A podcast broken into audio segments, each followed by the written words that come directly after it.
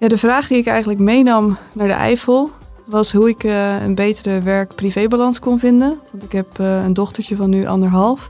En ik heb ook een, een baan met heel veel ambitie en heel veel drive om dingen heel perfect te doen en steeds beter te maken. Dus dat, ja, dat conflicteert nog wel eens met elkaar. En toen gingen we op trail en een van de momenten die mij het meest is bijgebleven is dat het sneeuwde. En we liepen door het bos waar ook het Ardennen-offensief is geweest. En het was eigenlijk zo'n magisch moment, omdat we liepen echt wel een stuk van elkaar af. Dus je liep eigenlijk in feite voor je gevoel alleen door het bos. En je, je kon het gewoon voor je zien, de geschiedenis van die plek. En het was zo, zo stil. En alles kwam opeens over je heen. En op zo'n moment besef je eigenlijk ook dat je maar zo'n klein onderdeel bent van iets veel groters. En daarmee kwam eigenlijk ook een soort rust en een besef ehm, ja, hoe je dingen ook in je werk beter moet aanpakken en hoe je beter zelf die balans kan vinden. Dus dat was voor mij wel ja, een moment wat ik ook moeilijk kan beschrijven, maar het kwam bij mij heel erg binnen op dat moment. Mooi. Mooi. Maar voor, je voelde echt de geschiedenis dus. Ja, je, je zag bijna de mensen daar gewoon nog zitten en wachten al die maanden in de sneeuw. Want toen sneeuwde het ook tijdens het Ardennen-offensief. Ja. Wachten tot er iets ging gebeuren. En je zag die, die natuur die alles heeft meegemaakt, het offensief, maar ook die ons daar doorheen zag lopen. Ook weer met allerlei andere dilemma's waar we mee zitten. En dat het ook eigenlijk altijd maar een wereld is die maar, die maar doordraait. En dat je daar maar zo'n klein onderdeel van bent in een soort constante, wat dan de natuur is. Ja, prachtig.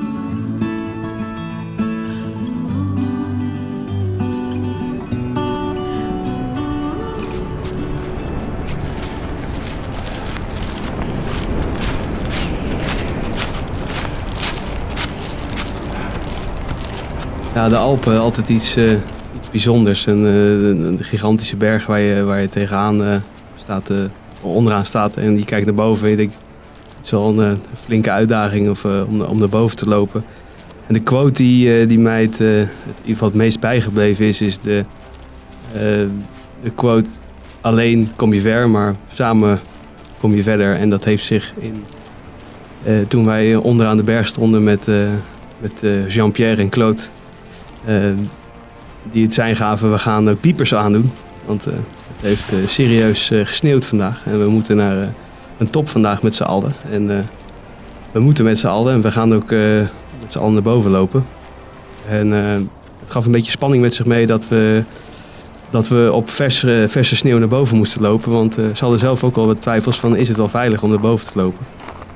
En door het vertrouwen wat we gekregen hebben in, in deze twee ja, gidsen deze twee, uh, nou, ik kan het bijna ijsmummies noemen, die daar vastgeroest zijn in de Alpen. Uh, zijn, we, zijn we naar boven gelopen omdat we deze twee mannen volledig vertrouwden. En, uh, en samen omhoog zijn gelopen. Niet als individu, niet als, als, uh, als ik als persoon, maar samen stap voor stap. Met de sneeuwschoenen aan naar boven, de beepers aan. En dat we elkaar vertrouwden en allemaal naar boven zijn gelopen ja, gaf dat een soort euforisch moment toen we boven kwamen in de sneeuwstorm. Want het was niet uh, al te best weer. Super uh, ruige omstandigheden. En dat gaf me het besef ja, uh, dat heb je in je dagelijks leven ook. Je komt zelf best wel ver.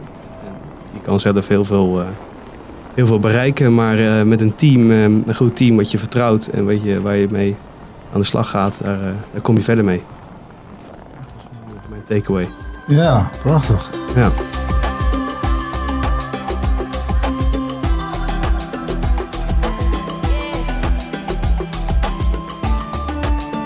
Prachtig. Mooie verhalen van, ja, alweer de veertiende aflevering, veertiende episode van onze podcast Leaders into the Wild. We hebben twee gasten, zullen we straks uh, door Niek worden die straks geïntroduceerd. Je hebt wel, jullie hebben al prachtige verhalen verteld. En uh, de podcast Leaders into the Wild is, uh, is er eentje van... wat doet de natuur nou met leiderschapsontwikkeling? En dat is dus niet... Wat, wat het niet is, is een, een trucje leren. Is vaardigheden leren. Maar is veel meer een verandering van mindshift. Van hoe kijk je tegen jezelf en hoe kijk je tegen de wereld, hoe kijk je tegen de ander, hoe kijk je tegen de organisatie aan. En die mindshift is uh, van groot belang, zoals we in de afgelopen episode hebben verteld, voor ja, de doelen waarvoor we in deze wereld voor staan. noem het de, de SDG's, de Sustainable Development Goals. En daarvoor is nodig inner development, van binnenuit. De podcast dus, vandaag weer. Ja, en we zijn, we zijn vol op stoom, uh, seizoen 2. Ja, uh, seizoen 2, ja. ja. dat is natuurlijk prachtig, omdat we natuurlijk ook allemaal uh, mooie gasten hebben, over de vloer hebben in ons studiootje. Bij, bij Bas. ik zei net toen wij hier gingen zitten met Iris en Jan Willem, die jullie net hebben gehoord dat dit de vaste plek is waar mijn vader en ik nog eventjes bijpraten uh, onder de begeleiding van, van onze Bas. Um, ja, en twee mooie anekdotes van uh, ervaring die ik ook heb mogen meemaken samen met, met Iris en Jan Willem. Het is namelijk een eer genoegen om aan jullie voor te stellen Iris van Huistee.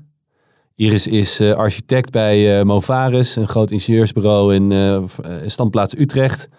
Ze zal straks iets meer vertellen over, over wat ze doet en, en, en, en waarom wij elkaar kennen. Ehm, want naast, of nee, tegenover haar zit Jan Willem. Jan Willem van Leijen. En Jan Willem is projectengineer bij Van Oort.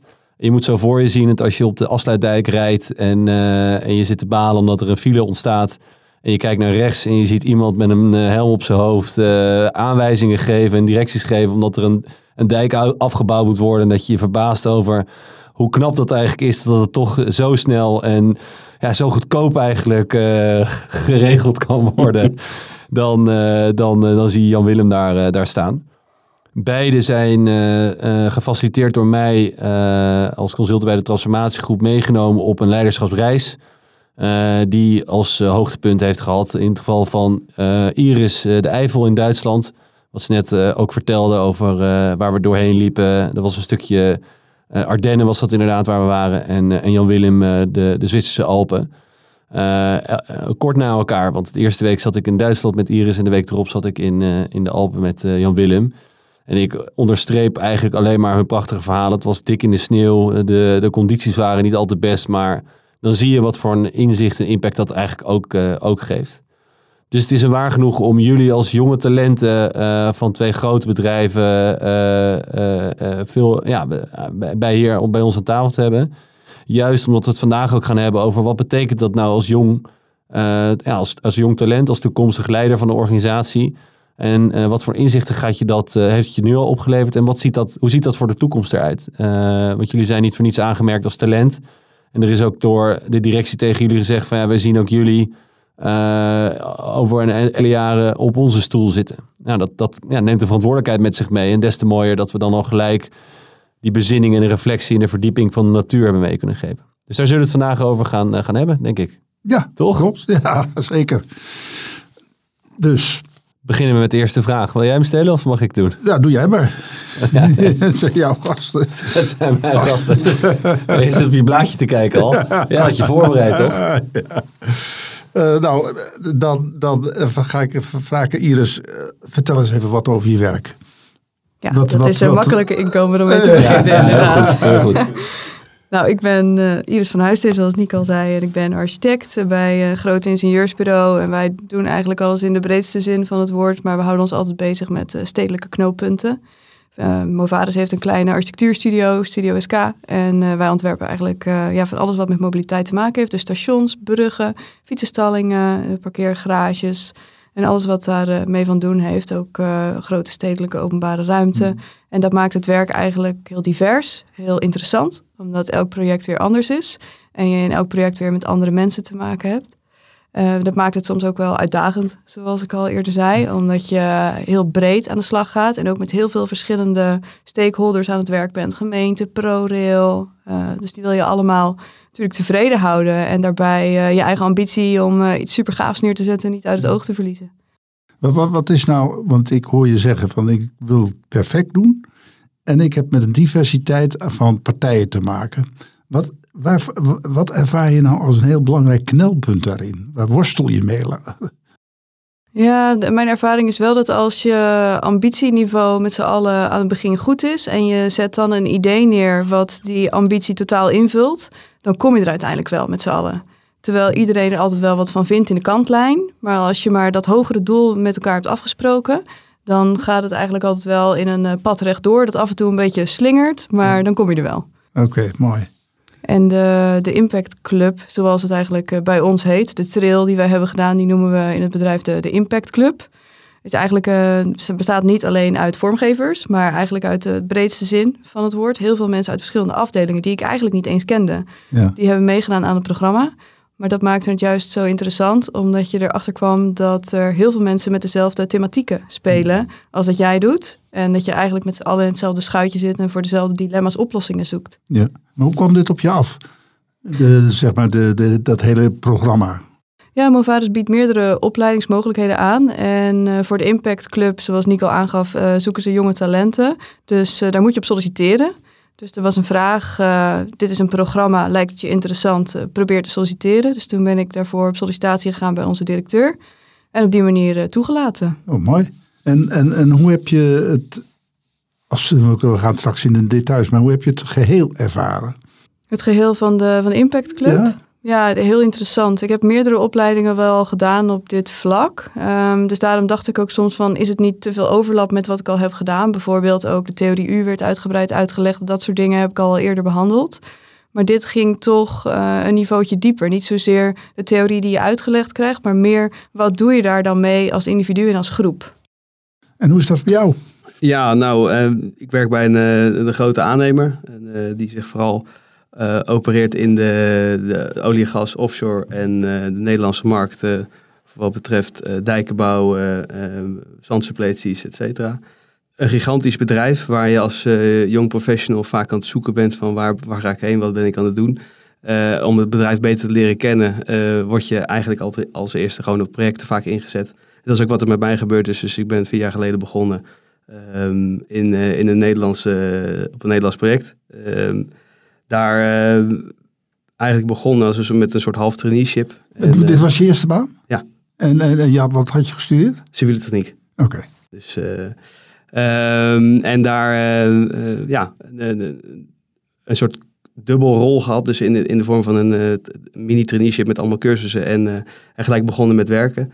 Uh, dagdagelijks bezig met eigenlijk gewoon het runnen van het project. Zorgen dat hetgeen wat de klant vraagt, dat we dat ook daadwerkelijk aan het uitvoeren zijn. En dat we opleveren wat we afgesproken hebben. En nou ja, we proberen dat ook nog binnen de, de, de kaders van het budget te doen. Ja. Uh, met een achtneming van de goede kwaliteit. Nou, en dat is iets wat, waar je eerst denkt, nou daar zou ik wel flink gestudeerd voor moeten hebben. uiteindelijk wat je daadwerkelijk in een projectorganisatie uh, zie je dat vooral de ontwerpkant, dus wat Iris net ook beschrijft, hè, de, de, de, de echte ingenieurskant, zeg ja. maar, daarvoor, uh, daar zie je dat, uh, dat ook echt de, de, opleiding die je daarvoor gedaan hebt, de studie die je gevolgd hebt, die daar echt voor gebruikt wordt. Um, maar de rest is eigenlijk gewoon het managen van projecten. Dus het, het bezig zijn met mensen. Ja. En het dagdagelijks proberen de hele ja, meute, om het zo maar te zeggen, de kudde in de goede richting te krijgen. Zodat we uiteindelijk gaan bouwen wat we wat er op tekening staat. Ja. En dat dat ook, uh, en dat is op allerlei niveaus. Je moet van kraammachinist tot directeur moet je kunnen, moet je gesprek mee kunnen hebben. Ja. En, dat, uh, en is dat ook, uh, heet het bij jullie ook een impact? Nee, bij ons heet het het Young Talent Program. Young Talent die, is, die komt iets anders tot stand. Ehm, ik ben onderdeel van de, ja, de zogenaamde Operations Pool binnen Van Noord. Dus dat betekent, dat is eigenlijk een, een, een vergaarbak van heel veel mensen die overal ter wereld ingezet worden op, op projecten. Um, en ze doen elk jaar een talent review. Dus, dus met een box 9 grid zetten ze performance uit tegen uh, potentieel. En daarmee bepalen ze uh, ja, of mensen goed performen. Dat is één, ja. dat is heel fijn dat ze goed performen. Uh, maar ze kijken ook naar het potentiaal. Hoe kan iemand groeien? Wat kan hij nog bereiken? Wat, nou, wat, wat kan hij voor de club mm -hmm. nog doen? En nou, daar komt dat talent review uit en daar worden mensen elk jaar uit geselecteerd. En, dan, uh, en jij bent geselecteerd? Ik ben geselecteerd, ja. Nou, dat is, uh, ja, dat was mooi. Ja, nee, dat is super gaaf. Dat was ook een, uh, als, echt als een cadeau. Ja, niet zomaar Willem, want ik maakte net inderdaad een grapje over. Want we hebben het ook al samen over gehad. Wat, wat hij voor elkaar krijgt in een project waar zoveel focus op ligt. Niet alleen binnen het bedrijf, maar ook in de maatschappij. het staat in de kranten. het moet, weet je, de logistiek, de organisatie alles wat er geregeld moet worden. En uiteindelijk, en dat zeg je terecht zelf ook wel, het gaat om mensenwerk. En, uh, en ik vind Jan Willem een persoon die heel erg makkelijk een goed verbinding kan maken. Maar toch ook wel, uh, ja, weet je, het gaat wel echt om hele grote, serieuze dingen. En in dat, hele, in dat hele gebeuren, ja, er hoeft maar één ding mis te gaan. En het kan grote gevolgen hebben. Dus de verantwoordelijkheid is ook niet gering. Je bent 26? Klopt. Ja. 26 jaar. Ja. Ja. Dat is toch super knap dat een gast van 26 gewoon dit voor elkaar krijgt. Ja, dan ook nog super eens- knap. Ja, toch? Ja. Weet je, en dat is... eh, eh, ja, en, en je, de, brains is één ding, maar ook het, het, doen. En, en precies zoals jij dat zegt, pa, eh, in verbinding staan met, eh, zelf zelf ook benoemd, Willem, met alle mensen die daar van doen hebben. Eh, en daarbij moet je geloof ik elke week een rondleiding geven eh, aan... eh, ja, het is niet normaal. Dus het is een van de meest verzochte projecten. Maar het is in ieder geval wel... een- een, Eh, en wie komen dan allemaal? Mensen uit Den Haag? Van de politiek en zo? Nou, die komen niet zo vaak langs. Maar met name het, het, het, eh, technisch Nederland is heel erg geïnteresseerd. Ja. En dat, dat merk Rijkswaterstaat. Ja, dat is de klant. Ja, Dus die, ehm, eh, daar werk ik sowieso heel veel mee samen. Ja. Eh, want ja, eh, niks blijer dan een eh, blije klant. Ehm, dus daar, daar, daar stop je heel veel energie in. En eh, ondanks dat we nou ja, eh, nogal wat negativiteit in de pers opgelopen hebben, is de onderlinge band En waar, supergoed. waar, En dat- waar- waar zat die negativiteit in? nou, om de onzekerheid van het project. Een aantal, nou, ik, ik zal er niet te veel over uitbreiden, maar er zijn een aantal negatieve dingen voorgevallen bij het project. Ja. Die kosten met zich meebrengen. Ja. En die voeren altijd de boventoon. Want Ja. uiteindelijk gaat het om belastingcenten. En dat zijn eh, gevoelige onderwerpen in Nederland. Zeker met alle wisselingen van de wacht in Den Haag. Ehm, maar dat neemt niet weg dat we op het project zelf echt heel veel eh, ja, plezier met elkaar hebben. En Mhm. dat we eh, trots zijn op wat we maken. En dat we dat echt het project naar een goed einde brengen. Maar ja, slecht nieuws ja, gaat snel. En het goede nieuws dat komt later wel. Maar dat is ook wel een, voor- een voordeel van jullie beide, beide werk of baan. Dat je iets creëert, iets maakt wat zichtbaar is en Ja. wat een maatschappelijke positie heeft. Visueel, zeg maar. Dat is natuurlijk wel heel tof. Dat je echt iets aan het creëren en aan het maken bent waar heel veel mensen plezier van hebben. Ik had dat een, een, een halfjaartje geleden toen. eh, is nog een ambacht steen zetten. en dat is, eh, dat is heel oud. Er zijn vroeger alle dijken mee gebouwd. En eh, dat wordt nog weinig toegepast. Maar wel voor aansluitingen wordt dat gebruikt. Wat mooi. En toen eh, zei zo'n oude steenzetter van, een, eh, van ja, ik, eh, ik ga volgend jaar eh, met pensioen. Maar eh, heb jij wel eens een steen gezet? Hey, kom maar hier, joh. Kom maar hier. Ja. Ga maar eens, kom maar eens even een steen zetten. Nou, dan, eh, dat is toch wel even iets anders dan, eh, Berekeningen maken. dan berekeningen maken. Ja. Of, Dat soort mensen zijn moeilijk te vinden, denk ik binnenkort. Ja, super. Ja, heel Ja. moeilijk te vinden. Jullie gaven in jullie anekdotes eigenlijk al aan, maar het is de eerste vraag die ook in mij eh, opkomt. Eh, en bij mijn vader en ik hebben het veel over gesproken. Nou, sterker nog, je bent erop gepromoveerd, maar toch even, even vanuit jullie perspectief. Waarom zoeken we de natuur op als we met leiderschapsontwikkeling bezig zijn? Waarom is die natuur zo belangrijk daarin, denk je? Ja, ik heb, zoals ik al zei, ook al meerdere opleidingen gedaan die een beetje met dezelfde thematiek eh, stoeiden op verschillende manieren. En wat ik toch wel echt een verschil vond met deze opleiding is doordat je heel veel in de natuur wandelt, je, je loopt naast elkaar en je krijgt al die indrukken van om je heen komen binnen. En daar, eh, ja, dat is eigenlijk de basis waar je op soort van verder filosofeert. Dat is heel anders dan met elkaar in een vergaderruimte zitten en naar een whiteboard kijken. Dat is gewoon een, eh, ja, je komt op een of andere manier makkelijker op een diepere, diepere laag met, eh, in het gesprek. Ik, ik heb het wel eens gezegd van het verschil is dat we ehm, in de vergaderruimte, daar zijn er allemaal Excel sheets om je heen. Allemaal vierkantjes. Kijk hier ook maar naar de ramen. Het zijn allemaal vierkantjes. In de natuur is het ongestructureerd. Natuurlijk heeft de natuur zijn eigen structuur, maar die gaat zijn eigen gang. Die is natuurlijk. En als we in een vergaderruimte zitten of een andere gestructureerde ruimte, dan moet alles volgens die kaders en volgens die lijntjes verlopen. Ik denk dat dat het brein het, het, het, het ook opener maakt, als het ware. En toegankelijker maakt voor creativiteit en inspiratie. Ja, ik moet ook zeggen dat ik het nu in mijn dagelijks leven ook wel vaker toepas. Als ik denk van ja, ik wil echt even een goed gesprek met iemand hebben, dan ga ik niet meer naar een restaurant, maar dan gaan we gewoon samen wandelen. Want ik weet dat het dan toch makkelijker is om op het niveau te komen waar je wil komen. Dus wat dat betreft heeft het echt een meerwaarde. En toen ik het programma voor me kreeg de eerste keer, was ik ook een beetje sceptisch. Want ik ben gek op natuur en ik ben gek op dit soort theorieën. Maar ik zag het nog niet helemaal voor me hoe dat dan samen ging of hoe dat dan elkaar ging versterken. Dus het was, eh, ja, dat, dat was wat mij ook wel triggerde. Ik dacht van ja, dat zou ik wel willen proberen. Jan Willem, jij wilde erop reageren? Ja, dat, dat, dat de natuur dingen opent, dat, dat, is, dat is gewoon een feit. Dat is niet eens, eh, daar hoef je geen boek voor te schrijven, denk ik. Wat het ook eh, heel eh, mooi maakt in, op trail gaan, is dat er geen, eh, geen planning is. Eh, we worden geleid door de natuur. En dat eh, als je dat reflecteert op je werk, dan, en dan is eigenlijk de dag ingedeeld. En dan weet je precies wat je gaat doen. Je hebt dan, dan een meeting, dan heb je dat. Uh, en als je uh, s ochtends de deur uitstapt in, in La Folie en je, en je stapt de deur uit en je ruikt die verse berglucht en we gaan, maar, we gaan lopen, we gaan vandaag die berg beklimmen. Ja, dan heb je ook geen deadline of geen, niks om naartoe te werken. Je gaat gewoon praten met elkaar en je opent je, ja, je, je gedachtes en je gaat echt jezelf eens afvragen van wat wil ik nou, waar ga ik naartoe, wat zijn mijn zijn mijn, uh, mijn, mijn, ja, mijn doubts, mijn, mijn troubles, et cetera. Waar, waar, waar, waar, ga ik naartoe? Maar ga jij dan ook nu anders uh, met, el met, elkaar om? Ik bedoel, wat Iris zegt, ik ga een wandelingetje maken met iemand om in plaats van in een vergaderzaaltje zitten.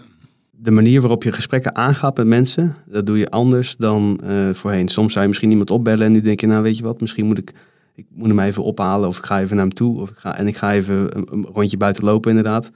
Um, om, om dat in de natuur te doen, sowieso. Nou ben ik gelukkig elke dag buiten. Uh, tenminste, vaak buiten. Ja. Ik word vaak geforceerd om binnen te zitten om over cijfertjes te praten. Maar als ik dan naar buiten mag, dan varen we vaak naar de, naar, naar de locatie toe. En dat is achter op het dek van een, van een crewboot is dat de beste plek om het gesprek te voeren. Omdat je de vogels vliegen en je hoort het water. En ja, dat, uh, eens dat uh, wel ingezien dat dat een, wel iets anders is.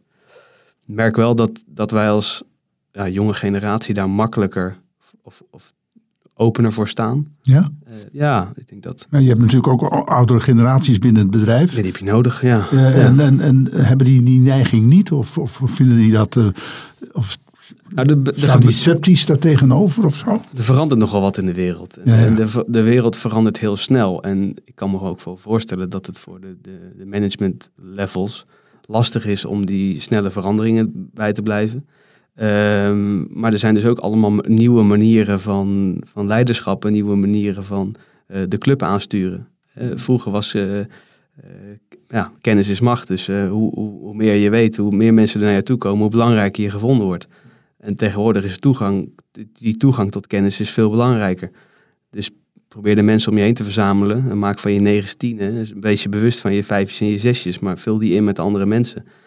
En dat betekent dat je op een gegeven moment dus dichterbij dicht, heel veel dichterbij, de hogere legerleiding noem ik het altijd maar, dat je heel dichterbij kan komen, omdat ja. je het niet weet, maar wel ernaar vraagt. En, uh, ja, ja, we zitten nog steeds vast, je noemt dat al de hogere legerleiding, kennelijk in die hiërarchische ja. denkmodellen als het ware. Zeker. Maar de wereld kantelt wel, hè? Absoluut. Maar het is heel contra-intuïtief, want eigenlijk als ik er nu over nadenk, zit ik met drie uh, technisch geschoolde mensen. Jij in Twente, jij in Delft, Amsterdam, sorry, en, en jij in, in Eindhoven. Uh, ja, weet je, als je gewoon uh, gewaardeerd wordt en daardoor ook je, je, je, studie doorkomt en ho, ja, hogere cijfers haalt, gebaseerd op ene en nullen. En dat is ook je goed, goed sommen kunnen maken. En dan in één keer ga je praten over uh, zoveel tinten grijs en je gevoel en verbinding maken. En ja, ik denk dat mensen die nog in die oude klas geschoold zijn, je aankijken van ja, waar heb je het over? Ja, die ze begrijpen het gewoon in eerste instantie niet. Dus je moet ze overtuigen van nou, het is echt beter als we even naar buiten gaan en even een rondje gaan lopen.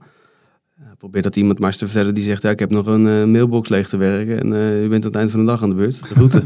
ja, dus maar als ze het wel doen? Ja, dan heb je een goed gesprek, want dan nemen ze de en, tijd voor. Ervaren zij dat ook als een goed gesprek dan? Ja, beter gesprek. Ja? Zeggen ze dat ook? Kwalitatief zeggen, nou, zeggen is, is, een mooi woord. Maar ik denk wel dat ze doorhebben dat het toch wel iets uh, teweeg brengt. Okay. En, uh, dat zie je wel. Ja, dat, dat zie je wel. wel. Ja, en ze staan ervoor open. Want ze, ze merken dat ze... Uh, ja, nu ben ik heel erg generaliseerd aan het praten over de, de, ja, de. Maar de, er is wel een, een, een, een, um, een omslag die, waarvan ze doorhebben... Oké, okay, nou dit, dit, er moet echt wat gaan gebeuren. Ook binnen het bedrijf om, om verder te komen. En dat dat dat signaal afgegeven wordt en dat wij, wij nu ook geconsult worden, zeg maar, als jonge generatie, om daar invulling aan te geven, ja. dat zegt al genoeg. Ja, ja. Eh, speelt het bij jou ook zo, eh, Iris? Ja, zeker. En wat ik dan nog wel een verschil vond dan dat je echt op trail was dan met iemand meenemen uit het kantoor voor een half uurtje buiten wandelen, is dat op trail je echt uh, dat gevoel van veiligheid, wat je normaal in je leven hebt, dat was weg. Dus je had geen, wat Jan Willem ook al zegt, geen planning voor de dag. Maar je had ook een hele kleine ruimte waar je eigenlijk met z'n allen in moest wonen. En dat soort dingen zijn natuurlijk heel anders dan dat je in je dagelijks leven gewend bent. Dus daardoor zag je ook dat bijvoorbeeld sommige mensen in onze groep dat best wel een beetje spannend vonden. Maar je zag ook dat er daardoor een veel uh, ja, makkelijker gesprek op gang kwam. Want je, zat, je was op elkaar aangewezen of zo. Er was geen veilig scherm waar je normaal achter kon waan. als dat je normaal in je dagelijkse gang van zaken op het werk zou kunnen doen. En soms heb ik nog wel eens zoiets dat, uh, ja, als we dan generaliserend praten over de, de, oudere garde. Soms zou je zo iemand ook gewoon eventjes een paar dagen uit die veilige zone willen trekken. om echt goed tot de kern te kunnen komen. Maar bij andere mensen, meer van onze generatie, is zo'n half uurtje zeker meer dan genoeg. Als je even in een park gaat lopen, dan uh, kom je ook al wel tot dat niveau. Maar dat verschil merk ik dan nog wel. En dat loskoppelen van de dagelijkse afleiding, dat doen we inderdaad door uh, telefoons, uh, die moesten jullie inleveren, evenals horloges en dat soort Hoe heb je dat in het begin ervaren? Dacht je echt van, nou weet je, ja, ik kijk er enorm tegenop en, en wat nou, je hebt een dochtertje, wat was er daar iets mee gebeurd? Of of, of, zag je het meer als een soort van bevrijding? En denk van, nou weet je, ik, ik vind het eigenlijk ook wel fijn om vier dagen eventjes geen, geen schermtijd te hebben. Hoe, hoe ga je ermee om? Ja, ik vond dat wel heel lastig. Hmm. Maar ook omdat mijn uh, stiefvader heel ziek is. En die zat toen net in een beetje kritiek pad op het ziekenhuis. En ook inderdaad met mijn dochter was nog nooit een nacht van haar weg geweest. En nu dan drie nachten. Dus ik vond dat wel ja, lastig om los te laten. Ik wou wel heel graag weten of alles goed ging. Maar uiteindelijk, uh, na die drie dagen, bleek alles gewoon helemaal goed te gaan. Dus dat is ook gewoon een kwestie van, van loslaten dan. Ja, ik heb er relatief weinig moeite mee gehad. Maar het is meer omdat ik, als er echt, uh, als er echt wat aan de hand is, dan, dan, dan komt het wel. Hè. Dat, is, dat is het vertrouwen wat we natuurlijk ook gekregen hebben van, van de consultants. Van, joh, als er wat is, dan worden wij gebeld. Dus nou, prima. En dan is het gewoon een kwestie van loslaten. En het was echt heerlijk. Het is echt is helemaal lekker om even gewoon helemaal niks iedereen verantwoording af te leggen wat je vanavond aan het doen bent. Of uh, dat je iedereen weer aan het uh, bellen bent. Of uh, gewoon even helemaal offline. En dat geeft je ook gewoon de ruimte om even ja, gewoon je hoofd leeg te maken. Ik moet zeggen dat ik het ook met, met veel op het water te vinden. Veel aan het zeilen. En dan heb ik eigenlijk een beetje hetzelfde gevoel. En ik probeer dat ook elke week, elke woensdagavond. Dan probeer ik een rondje te zeilen op de Loosdrechtse plassen, een wedstrijdje te varen, woensdagavondwedstrijden. En dan merk je gewoon dat dan ben je ook offline. En dan uh, heb je ook gewoon even dat je helemaal je hoofd leeg maakt. En Hetzelfde gevoel had ik ook in de Alpen, dat je gewoon weg bent. En vond het eigenlijk alweer een dingetje om hem terug te krijgen. Maar ik moest hem hebben voor mijn, voor mijn ticket, voor, je, voor, je, voor je boardingpas. maar ja.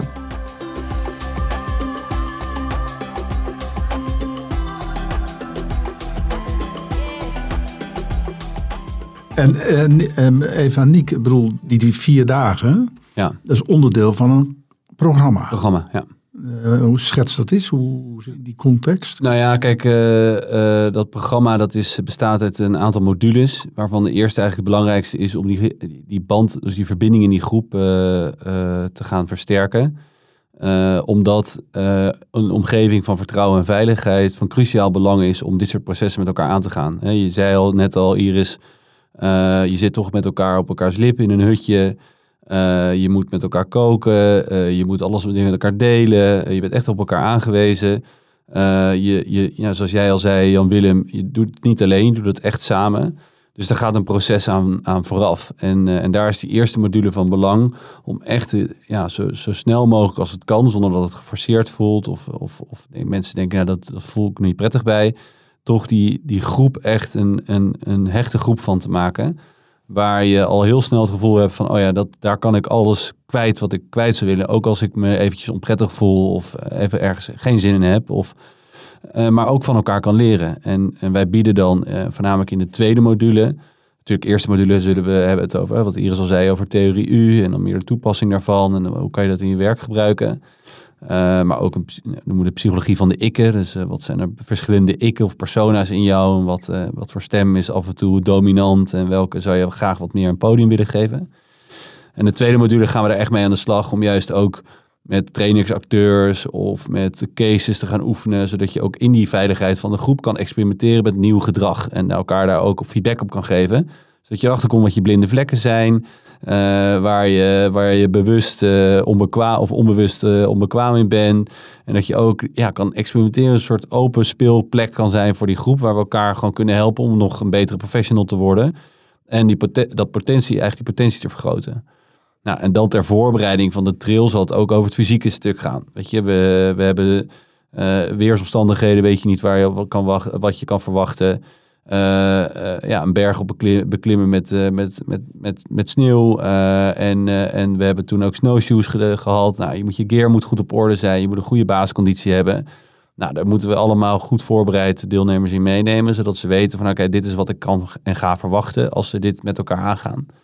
En ondertussen ja, zijn wij erbij om dat proces zoveel mogelijk te goed te faciliteren, zodat iedereen zich ook betrokken voelt en voor iedereen een succesvolle ervaring, ervaring is zijn of haar niveau van mentale en fysieke fitheid, om het zo, om het zo te noemen. Dat gaat er eigenlijk aan vooraf. En zodra we op een gegeven moment de, ja, de trail is, is afgerond en we gaan weer naar huis, dan nou, je noemt het wel eens het honeymoon effect. Uh, je komt thuis, de roze wolk. Uh, je wil graag uh, eerst even een beetje landen en delen. En dan op werk. denk je, al die goede intenties ga ik in gang zetten. Nou, dan merk je dat mensen ja, toch inderdaad op kantoor schrikken van een vraag van wie is een gids in je leven? Of wat betekent liefde voor je? Of wat zou je nog een keer tegen iemand willen zeggen? En al die dingen, ja, dat is toch, die zit toch op een ander niveau. Maar dat is alleen maar goed, want dat, dat betekent dat je weer contact moet zoeken met je omgeving maar wel op een verdiepender en andere niveau. Met iets meer reflectie, iets meer rust, iets meer bezinning en minder stress. Ik denk dat dat het belangrijkste is. En dan zitten wij met de deelnemer, dus in dit geval Jan Willem vorige week en met Iris twee weken geleden, en uh, hun manager. Uh, om uh, eigenlijk te evalueren en vooral hun antwoord te laten van hoe, is die reis geweest voor jou de afgelopen acht, negen maanden? Waar stonden we toen? Daar heb ik notities van en dit, was, dit wil je doen en dit waren je ambities en dit waren passies en dromen. En ja, waar sta je nu? En soms zeggen ze van ja, weet je, dat, dat heb ik eigenlijk had ik al uh, halverwege het jaar opgelost. Ik ben, ja, ik ben nu achtergekomen dat, ik, dat dit mijn richting is. En dat ik, dat ik hier sterk, hè, dit, dit was het inzicht voor mij. Is niet alleen op de trail, maar kan ook daarvoor zijn gebeurd. En dat ze dikke maatjes hebben ge, opgehaald uit het programma. Dat ze echt een aantal, uh, en het hoeft niet iedereen te zijn, maar toch een aantal mensen die, waar ze mee bellen, waar ze mee sparren, waar ze eens een keer gedachten mee leggen, neerleggen. Lastige klant of een ingewikkelde manager nou, en dat netwerk, ja, dat ze dat blijven vasthouden. En dat die, nou, wij zeggen, ik zeg altijd, je ontwikkeling stopt niet. We hebben een soort platform, hè, we hebben het even versneld, we hebben een soort platform bereikt. Maar ja, het is jouw verantwoordelijkheid om dat door te zetten samen met je manager, die samen met jou verantwoordelijk is voor je ontwikkeling. En dan zet ik ze, dan stage ik de deelnemers, in dit geval Jan Willem en Iris, door ze gewoon uh, door die manager in te fluisteren dat ze gewoon een dikke promotie moeten krijgen. dat ze nu uh, goud in handen hebben om op, op door te pakken. Ja. Ja, prachtig. En dan vind ik het altijd zo vind ik het altijd vreselijk om ze niet, niet meer te zien. Want we zijn ook in acht, negen maanden matig geworden. Ja. En uh, hebben elkaar ook het lieve leed gedeeld. Ik doe, ik doe mee altijd. Weet je, ja. ik, ik, deel ook mijn, mijn, mijn, shit. Iedereen heeft zijn shit. En weet je, ik ben onderdeel van die groep.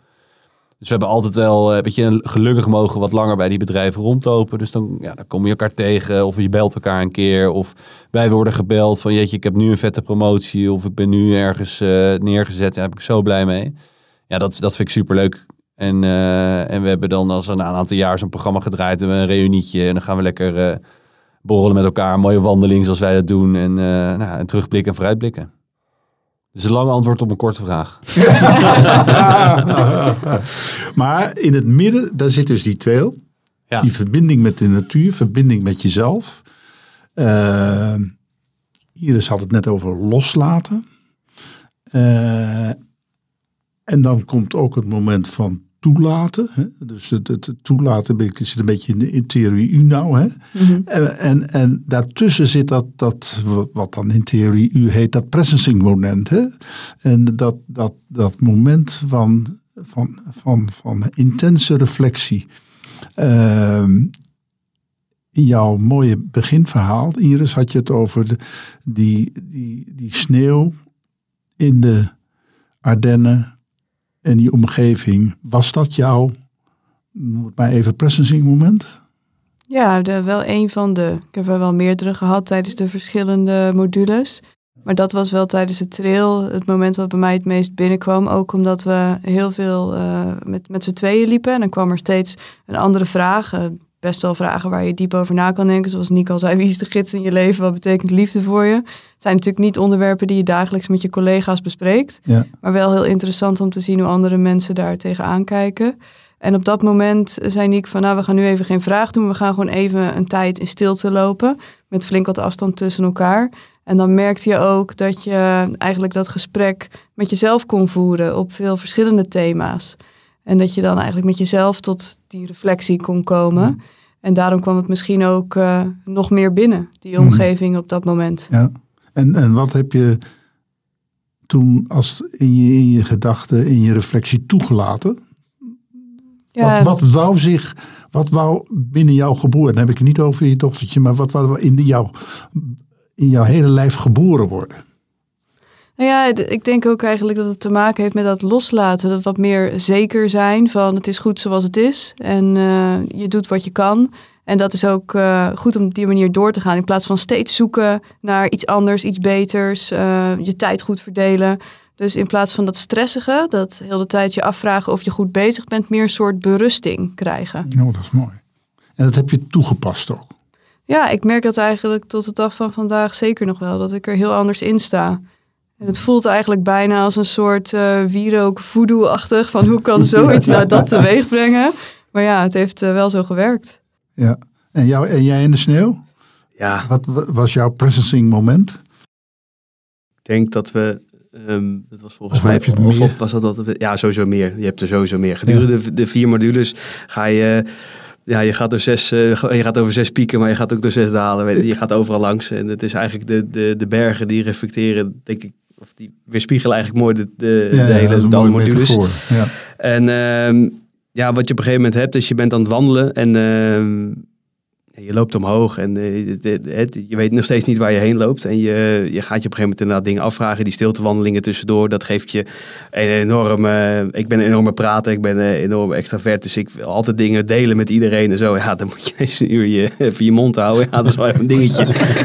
en dan, en dan, dan, ga je je afvragen van ja, wat, uh, wat heb ik hier nou aan? Uh, totdat je echt gaat nadenken. Want je blijft nadenken totdat Niek weer zegt van je mag nu weer praten. Nou, en dan heb je eigenlijk nog steeds niks te vertellen, want je bent nog steeds aan het nadenken. En in mijn dagdagelijkse ja, werk uh, ben je ook altijd aan het praten. En, en ja, mensen niet uit laten praten. Of uh, altijd je eigen idee als eerste op tafel leggen. En uh, op een gegeven moment had ik een keer... Dat was, dat, maar heb je daar een switch in gemaakt? Ja. Oh, mooi. Dus gewoon mensen sowieso het uitstellen van je, van je oordelen. Dus, dus ervoor zorgen dat mensen, die zeggen iets... Maar ja, laat ze maar eens even vertellen waarom dat nou zo is. En waarom zij dat zo heilig van overtuigd zijn dat dat zo is. Voordat je dat gelijk van tafel maait. En dat moment had ik op een gegeven moment dat we, we liepen, uh, we liepen ergens naar boven. En er sneed iemand uh, enorm de, de bocht af. Dus dat mocht helemaal niet, want we moesten het pad volgen. En dat had heel veel gesneeuwd. Dus dat lag denk ik wel 60, 70 centimeter verse sneeuw. Echt, echt poeder. Dus die gidsen waren ook een beetje op hun hoede. Maar die, we liepen omhoog en toen, uh, toen sneed hij de bocht af. Uh, en toen oordeelde de groep zeg maar gelijk op zijn gedrag. Uh, en toen dachten ze van, iedereen is zo veilig met elkaar en iedereen houdt elkaar zo op de been. Maar toen dacht ik, ja, ik laat het gewoon eens even los. Ik kijk wel eens even wat de groep doet. Want normaal zou ik er bovenop springen en de leiding nemen om te zeggen van, joh, ga weg of doe, het anders. maar ik liet het gewoon even gebeuren. En toen dacht ik, ja, misschien is dit, moet ik dit wel vaker doen. Dat, dat er misschien wel eens wat om me heen gebeurt in mijn, in mijn werk of in mijn privéleven waarvan je dan zegt, nou, laat het misschien maar eens even gebeuren en, en, en, en oordeel uh, op, op wat er gebeurt of op gedrag of wat iemand zegt later. En kom met een beter antwoord of een, uh, of een reflectie daarop. Een beeld dat bij mij binnenkomt, uh, dat is misschien wel mooi om te delen, is op diezelfde berg, op diezelfde helling, liep ik uh, voorop achter een andere deelnemer, een dame. liefhebber in de bergen, liep, zij liep achter de gids. Ja. En, en de gidsen, die, daar leg je je hele leven mee, daar, daar vertrouw je die 100%. Weet je, die, en die, die maken letterlijk het pad. En het, is, het sneeuwde vrij hard, dus je wist niet precies hoe, hoe stijl de helling was. Maar ja, je voelt natuurlijk wel aan je, aan je benen en aan je stabiliteit. Ja, weet je, je volgt de gids en je zal geen stap afwijken. Dus, het, was, het super glad ook. Ja, ik denk wel terug aan dat moment. En het gaat, het gaat goed, want het is stapje voor stapje. En het is ook allemaal heel veilig, dus dat is ook oké. Okay. En ik weet nog heel goed op het moment dat de gids, die voelde natuurlijk die dame die voor mij liep uh, achter zich. En die wist op een of andere manier van zij wil, nu is het moment om, om haar voor te laten. En, uh, en we hebben daar later ook met elkaar over gehad. En zij kreeg dus de ruimte en de mogelijkheid om voor de gids te lopen. En enerzijds bracht me dat een gevoel van trots, want ik vond het heel gaaf dat zij die kans kreeg. Maar ondertussen ook uh, dat gevoel van veiligheid en vertrouwen dat legde ik nu ook in, in haar handen. Zij uh, was, liep voorop. Natuurlijk wel gesteund door de gids. En die, zij wist ook wel dat die gids achterliep. Maar zij heeft ook later gezegd, ik was ook gewoon alleen op dat moment. En ik voelde die verantwoordelijkheid van een hele groep die achter mij loopt. En die voelde ik ook. Dat, ik die, dat zij die verantwoordelijkheid en dat gevoel wat ik ben, dat gevoel van vertrouwen, ik in haar handen legde. En het zijn maar, het was misschien maar 100 meter. Het zijn maar uh, een paar honderd stappen. Um, maar uh, een hele, paar hele bijzondere stappen. En dat gaf mij ook het inzicht in leiderschap. Dat ik dacht van ja, het is ook wel een hele verantwoordelijkheid die je op je neemt als jij voorop loopt. En dan is het fijn dat er iemand achter je loopt met heel veel ervaring en die je kan bijsturen wat hij ook wel doet. Maar uiteindelijk ben jij degene die voorop loopt. En dat je dat ook direct voelt als je erachter loopt. Dan zie je van nou oké, het, is, het is in orde, want degene met de meeste ervaring die, die, die staat erachter en het zal wel goed zijn. Maar toch keek ik op een andere manier naar haar. Gewoon puur omdat ze voorop liep meer respect, meer waardering. En ook denk ik, jeetje, ga er maar aan staan. Ik vond echt, nou, ik had zelf niet gedurfd namelijk. Het was gewoon, het was, het was, ik vond het, ik vond het, ik denk, ja, daar ga ik gewoon niet aan beginnen. Maar zij had die ambitie in, in die drive en, en, ging, en ging voorop. Geen stapje te snel, geen stapje te langzaam. En dan, uh, en terug aan jou uh, refereren naar jouw verhaal. Ja, dan, dan als iemand dan net een soort een bocht maar kort afsnijdt dan merk je dat iedereen dat ervaart en voelt. Van wacht even, dit is even... Niet oké. Niet oké, we gaan even... dit is even onrespectvol naar, eh, naar het leiderschap eigenlijk. Terwijl we vaak uh, in, in, in dagelijks leven vaak zeggen... Ja, weet je, een beetje van de baden af en, en, en weet ik het allemaal. Van de, we moeten van de, van de paden af. En, uh, buiten de lijntjes kleuren. Buiten de kleuren. ja, al dat soort afspraken. Maar wel dus op een verantwoordelijke manier. Zie je eigenlijk maar. En dat, dat is de combinatie van um, ja, jong talent met ambitie en drive en ervaring de ideale combinatie is om verder te komen. leiderschap van vandaag, het leiderschap van morgen. Bruggetje naar de volgende vraag. jullie zijn uh, het leiderschap van, van, uh, van morgen. Hoe kijk je zelf naar het leiderschap van morgen? Wat denk je dat er no voor nodig is uh, om die positie te creëren die je straks wellicht zelf wil gaan vervullen. En wat, wat, wat, moet, er, wat moet er gebeuren? Nou, er moet sowieso een. Uh, dat heb ik volgens mij al eerder aangegeven. Er moet een. Uh, de, de, rol van uh, kennis is macht of toegang tot kennis. Dat moet echt. Dat, dat, dat verandert al. Dat zie je al. Omdat de, de projecten die in de hele. Maar vooral ook de technische branche wordt het alleen maar moeilijker. Het wordt alleen maar lastiger. We hebben een complexe wereld. Dus daarmee wordt ook wat, het werk wat we doen complexer. Dus de mensen kunnen het niet meer ja, hè, er zit op een gegeven moment een limiet aan wat je kunt en wat hè, dus je zal wel maar superieur. Met kennis is mag bedoel je met name dan ook wat dat je... de kennis op de, op de werkvloer ligt en dat je die ook moet gebruiken. dat is de toegang. Ja, dus de toegang tot kennis. Dus wat, waar je eigenlijk naar op zoek bent is um, de, de, de, term high performance organization. Nou, dat is uh, een, favoriete term, maar heel veel mensen weten nog niet hoe we het moeten inrichten. Uh, en wat je merkt is dat dat degene die het langste het, het, het kunstje gedaan heeft, die is degene die we er altijd heen sturen. Maar is dat de juiste persoon op de juiste plek? Dat, dat is heel vaak de vraag. Want hij zal misschien wel supergoed een dijk kunnen bouwen. Maar een teammanager is een ander verhaal. En hoe krijg je alle, uh, ja, alle, alle onderdelen, alle tandwielen uh, in de juiste versnelling, zodat we uh, een, een project, of, of, of, het nou een project is of een intern project of, of een stafafdeling of wat dan ook. Hoe krijg je de, de juiste mensen op de juiste plek? Dat is niet degene die het langste bij het bedrijf werkt. Dat is soms zelfs iemand die wat jonger bij het bedrijf zit en die uh, mensen kan activeren, motiveren, omdat zij heel goed zijn in een specifiek ding. En ja, dat heb ik zelf ervaren in, in, mijn rol nu op, de, op het project. Dat je niet per se degene hoeft te zijn met de meeste ervaring om leiding te kunnen geven aan een, aan een, aan een team. En je moet alleen wel de mensen bij elkaar verzamelen om de klus te klaren. En dat is, een, dat is een, echt een switch. Want van oudsher heb je gewoon een heel traditioneel functiehuis. Waarbij gezegd wordt, je begint gewoon, uh, in ons geval als uitvoerder. En je kan groeien tot projectdirecteur. Maar wie zegt dat diegene die al 30, 40 jaar bij de club zit, die heb je wel nodig om beslissingen soms te nemen, om advies te geven. Maar moet diegene dan ook leiding geven? Dat is de volgende vraag. Misschien heb je hem op een andere manier nodig en kan je op een, op, op, een andere manier je, dus je, je projecten organiseren. En ik denk dat daar een, een, uh, in deze complexe wereld een, uh, een opening ligt om die aan te kunnen. Iris, hoe kijk jij naar het leiderschap van de toekomst? Ja, het sluit eigenlijk wel heel erg aan bij wat Jan Willem zegt. Omdat ik echt wel overtuigd ben van uh, dat een leider van morgen echt moet inspireren. Dat moet echt iemand zijn die een verhaal neerzet waar, iedereen in gelooft. Waar iedereen van aangaat. En dat ze zeggen, ja, kijk, dat is waar we naartoe gaan. En dat ze weer gewoon intrinsiek gemotiveerd zijn om gewoon een beste beentje voor te zetten. Uh, nieuwe dingen te onderzoeken. Ook altijd een open blik te hebben om maar naar dat hogere doel te streven. En wat ik soms wel merk in verschillende organisaties is wat Jan Willem ook zegt, dat je altijd een directeur hebt die eigenlijk vanaf beneden helemaal is doorgegroeid naar boven. Die, het was zijn eerste baan en hij is nu de directeur en gaat bijna met pensioen. En dat is toch wel iets uh, ja, wat eigenlijk niet meer van deze tijd is, denk ik. Het is denk ik heel goed om juist iemand te hebben die wat jonger is, wat dynamischer. Dat visionaire beeld kan, kan schetsen voor alle werknemers. Dat ook breed kan neerzetten. En dat daarachter dan de mensen met ervaring staan. Zodat wat jij ook zegt, datgene die dan vooraan loopt, dat is misschien wel die visionair. Maar je hebt er vertrouwen op, omdat die gidsen daarachter staan. Dat die grote verhalen ook een, een praktische invulling kunnen krijgen. Dat dat ook haalbaar is.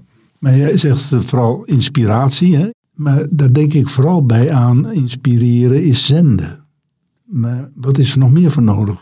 Ja, natuurlijk gaat het ook heel erg over de connectie. Met, uh, en misschien reflecteer ik ook wel te veel vanuit mijn eigen organisatie. Maar ik, wat ik vooral ook in mijn werk merk, en dat zal Jan Willem ook hebben, is dat je echt in een hele veranderende wereld zit. Waar je ja, moet omgaan met dilemma's waar je zelf het antwoord niet altijd op hebt in het kader van duurzaamheid, materiaalgebruik. Uh, hoe, ja, wij, bouwen. Maar eigenlijk is dat misschien niet het antwoord op de wereld van morgen. En dat is iets waar wij constant in ons werk tegenaan lopen. En eigenlijk wil je gewoon dat er iemand opstaat die daar een soort bredere visie in heeft. Dat er een, een doel ligt dat wij als ingenieursbureau kunnen voldoen aan de eisen van de huidige maatschappij en kunnen bouwen aan een ja, duurzame wereld van morgen. Maar waar haalt hij die visie vandaan? Ja, niet bij de VVD. Denk ik niet. nee, want wat is er nodig? Wat is er nodig? Kijk, wat, eh, visie heb je nodig om te kunnen inspireren. Dat hoor ik je zeggen. Ja. Maar wat is er in die leider nodig om die visie geboren te laten worden? Dat is een goede vraag. Ik, ja, ik moet een beetje denken aan uh, de groep die, die ik heb gehad bij de, de Impact Club, zoals wij dat dan noemen. En er was één iemand die eigenlijk in de hele groep een soort van opstond als leider. Het ging heel natuurlijk. En niemand had daar uh, weerstand tegen of was daar jaloers op. Iedereen had zoiets van, ja, weet je, dit is logisch wat jij zegt. En hij kon ook altijd uh, uitspreken wat wij als groep dachten. En ik denk dat een leider zoiets, uh, ja, zo'n kwaliteit moet hebben. Die gewoon kan voelen wat er in de organisatie speelt. En dat dan op een goede manier kunnen neerzetten. Zodat je dat als een soort doel kan hebben. Ja, ja.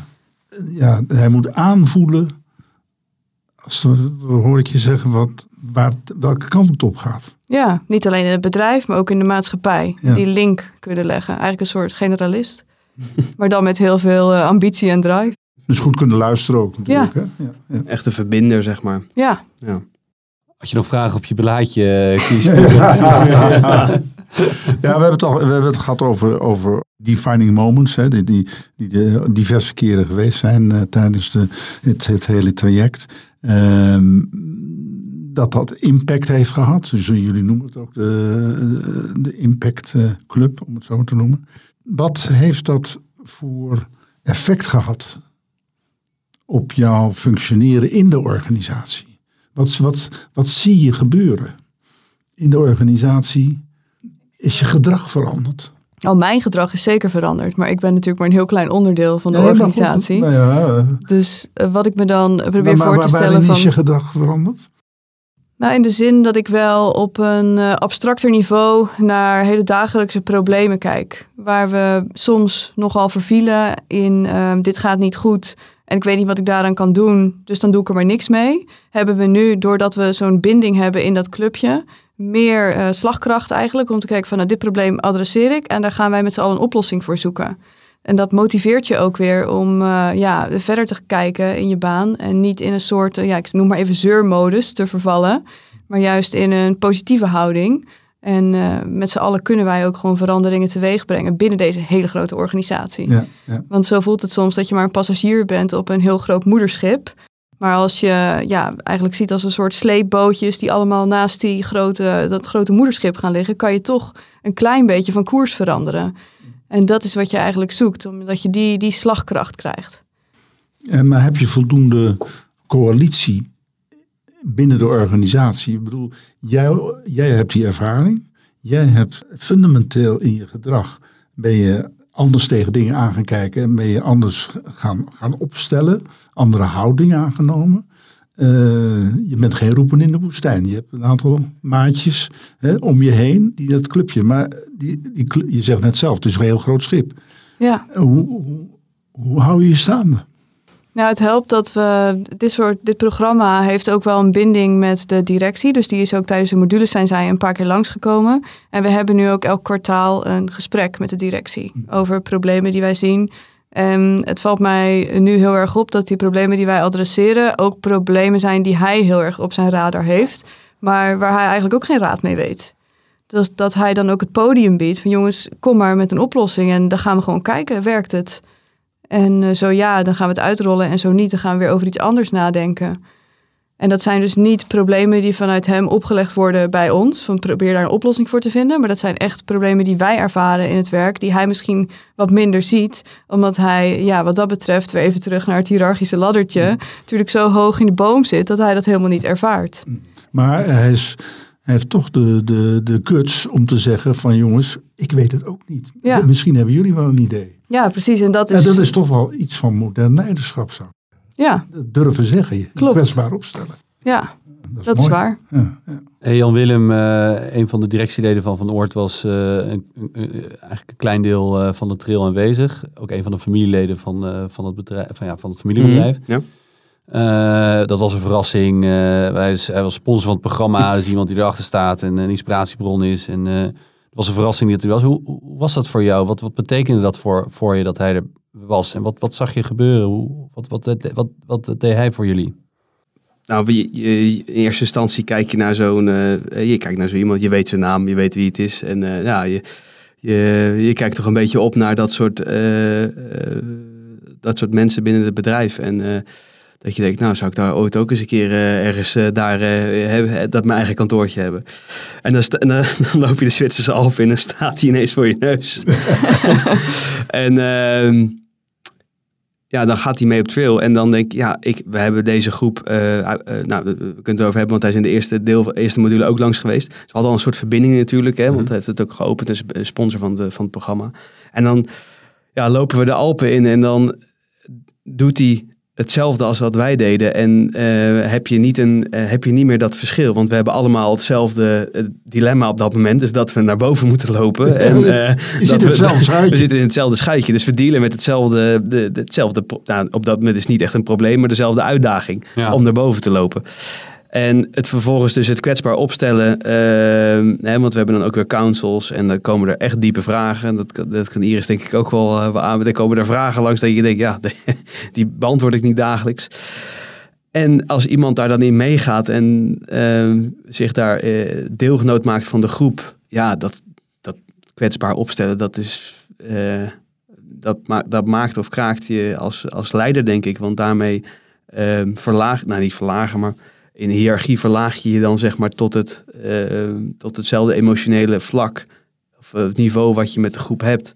En dan word je open en dan kan je pas überhaupt iets met vertrouwen beginnen, met de, met de band van vertrouwen. Want je kan wel vanaf bovenaf heel erg een strategie uitroepen.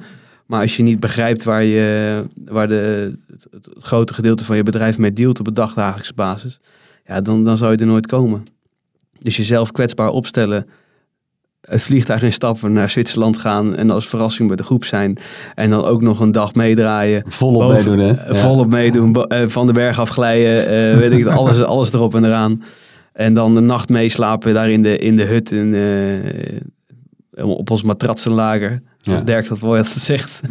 ja, dan, dan denk ik, ja, dat is wel, dan heb je wel... dat is gaaf. Wel, wel guts om dat even te doen, zeg maar. En merk je dat uh, dan nu nog steeds in je werk? Dat, uh, ja, je hebt natuurlijk wel een andere relatie met hem dan dat je hiervoor had. Ja, want je denkt, zijn deur staat... Uh, nou, in eerste instantie denk je, je deur staat niet open. maar die staat dus wel open. En die staat bij iedereen open. Maar dat is iets wat als, als jong iemand kijk je daar toch tegen van... Nou, die zou ik wel niet kunnen bereiken. Of dat, dat lukt me niet. Want ja, Dan, ben ik, uh, moet ik nog 17 schalen omhoog om daar eens een keer een kopje koffie mee te kunnen drinken. Maar dat is het geval helemaal niet. Iedereen is gewoon een mens. En daar kom je achter tijdens deze, ook de talking stick sessions die we gehad hebben. En dan kom je erachter dat, dat er achter elk gezicht heel veel, heel veel schuil zit wat we niet weten. En dat we eigenlijk allemaal wel onze dagdagelijkse dingen hebben. En dat je ook dus daarmee makkelijker verbinding maakt met, met de rest van het bedrijf. En daarmee dus ook een, in dit geval dus, de sponsor van. Dus jij zegt ook dat na terugkomst, na deze ervaring, is er ook daarin iets fundamenteels veranderd. Ja, de, het is niet meer zo dat je uh, in, in het oude patroon vervalt. Nee, weet je. Er is fundamenteel iets veranderd in de, in de verbinding. Absoluut. En ook... Nee, je, je voelt geen schroom de drempel over te stappen. Nee, nou, ik daar sowieso al niet heel veel moeite mee. Maar, het, is toch, het is toch wel een. een uh, het is een drempel. En die drempel is echt lager geworden binnen de organisatie. Dat merk je echt. Dat mensen, dat we nu ook. Hè, we, we, nou ja, op een gegeven moment is die lijst dan bekend. En dat, is, dat er zijn ook verschillende stafafdelingen vanuit HR. Er wordt de strategie bepaald. Ja, je wordt er ook door benaderd van, joh, wat vinden jullie ervan? Uh, wat, uh, als klankbordgroep, om het zo maar te zeggen, van hang hier eens je mening tegenaan en wat vind je ervan? Uh, dat vind ik ook een bepaalde vorm van kwetsbaarheid. Van, ja, Misschien hebben we het wel niet goed gedaan. Wat vinden jullie ervan? En dat is iets wat veranderd is. Maar dat heb ik ook geprobeerd om in me, in me, op het project te doen. Dus gewoon uh, jezelf uh, kwetsbaar opstellen ten opzichte van de rest.